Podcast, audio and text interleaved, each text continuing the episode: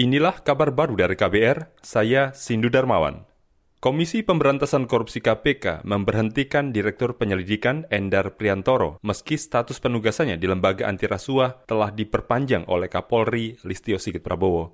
Menanggapi hal tersebut, Wakil Ketua KPK Nurul Gufron mengatakan tidak tahu menahu. Itu wilayah kewenangannya di Sekjen ya.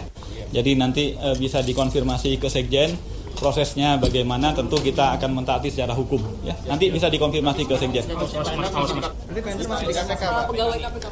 Makanya kalau pegawaian mohon dikonfirmasi ke Pak Sekjen. Pak Sekjen itu yang mengeluarkan SK-SK tentang kepegawaian ya. Ditanya ke Pak Pak Sekjen saja. Itu tadi Wakil Ketua KPK Nurul Gufron. Sebelumnya status Endar Priantoro tidak jelas usai KPK tidak memperpanjang penugasan yang bersangkutan berdasarkan hasil rapat pimpinan. Di lain pihak, juru bicara Mabes Polri Sandi Nugroho memastikan Endar diperpanjang penugasannya melalui surat Kapolri kepada pimpinan KPK. Pemulangan Endar ke Polri diwarnai isu penanganan kasus Formula E. Endar Priantoro disebut sebagai salah satu orang yang enggan menaikkan kasus itu ke tahap penyidikan. Kita ke soal lain. Presiden Joko Widodo melantik Sunarto sebagai Hakim Wakil Ketua Mahkamah Agung MA bidang yudisial yang baru. Pelantikan diawali dengan pembacaan sumpah oleh Sunarto yang digelar di Istana Negara sore tadi. Demi Allah saya bersumpah bahwa saya akan memenuhi kewajiban Wakil Ketua Mahkamah Agung bidang yudisial dengan sebaik-baiknya dan seadil-adilnya memegang teguh Undang-Undang Dasar Negara Republik Indonesia tahun 1945 dan melaksanakan segala peraturan perundang-undangan dengan selurus-lurusnya.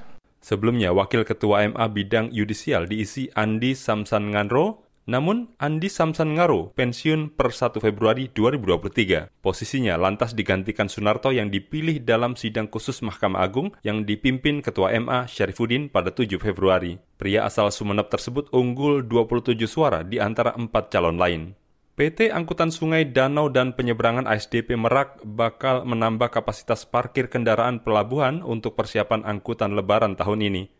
General Manager ASDP Merak Soeharto mengatakan penambahan dilakukan untuk meningkatkan kenyamanan penumpang dan pengguna jasa saat berada di dalam area pelabuhan. Sekarang sudah bisa mampu menampung kendaraan kecil atau golongan 4 lebih dari 5.000 jadi kapasitas parkir yang kita siapkan naik menjadi seribu dari tahun yang lalu.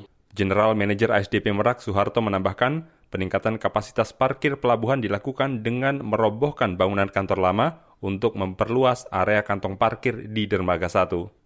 Demikian kabar baru KBR. Salam.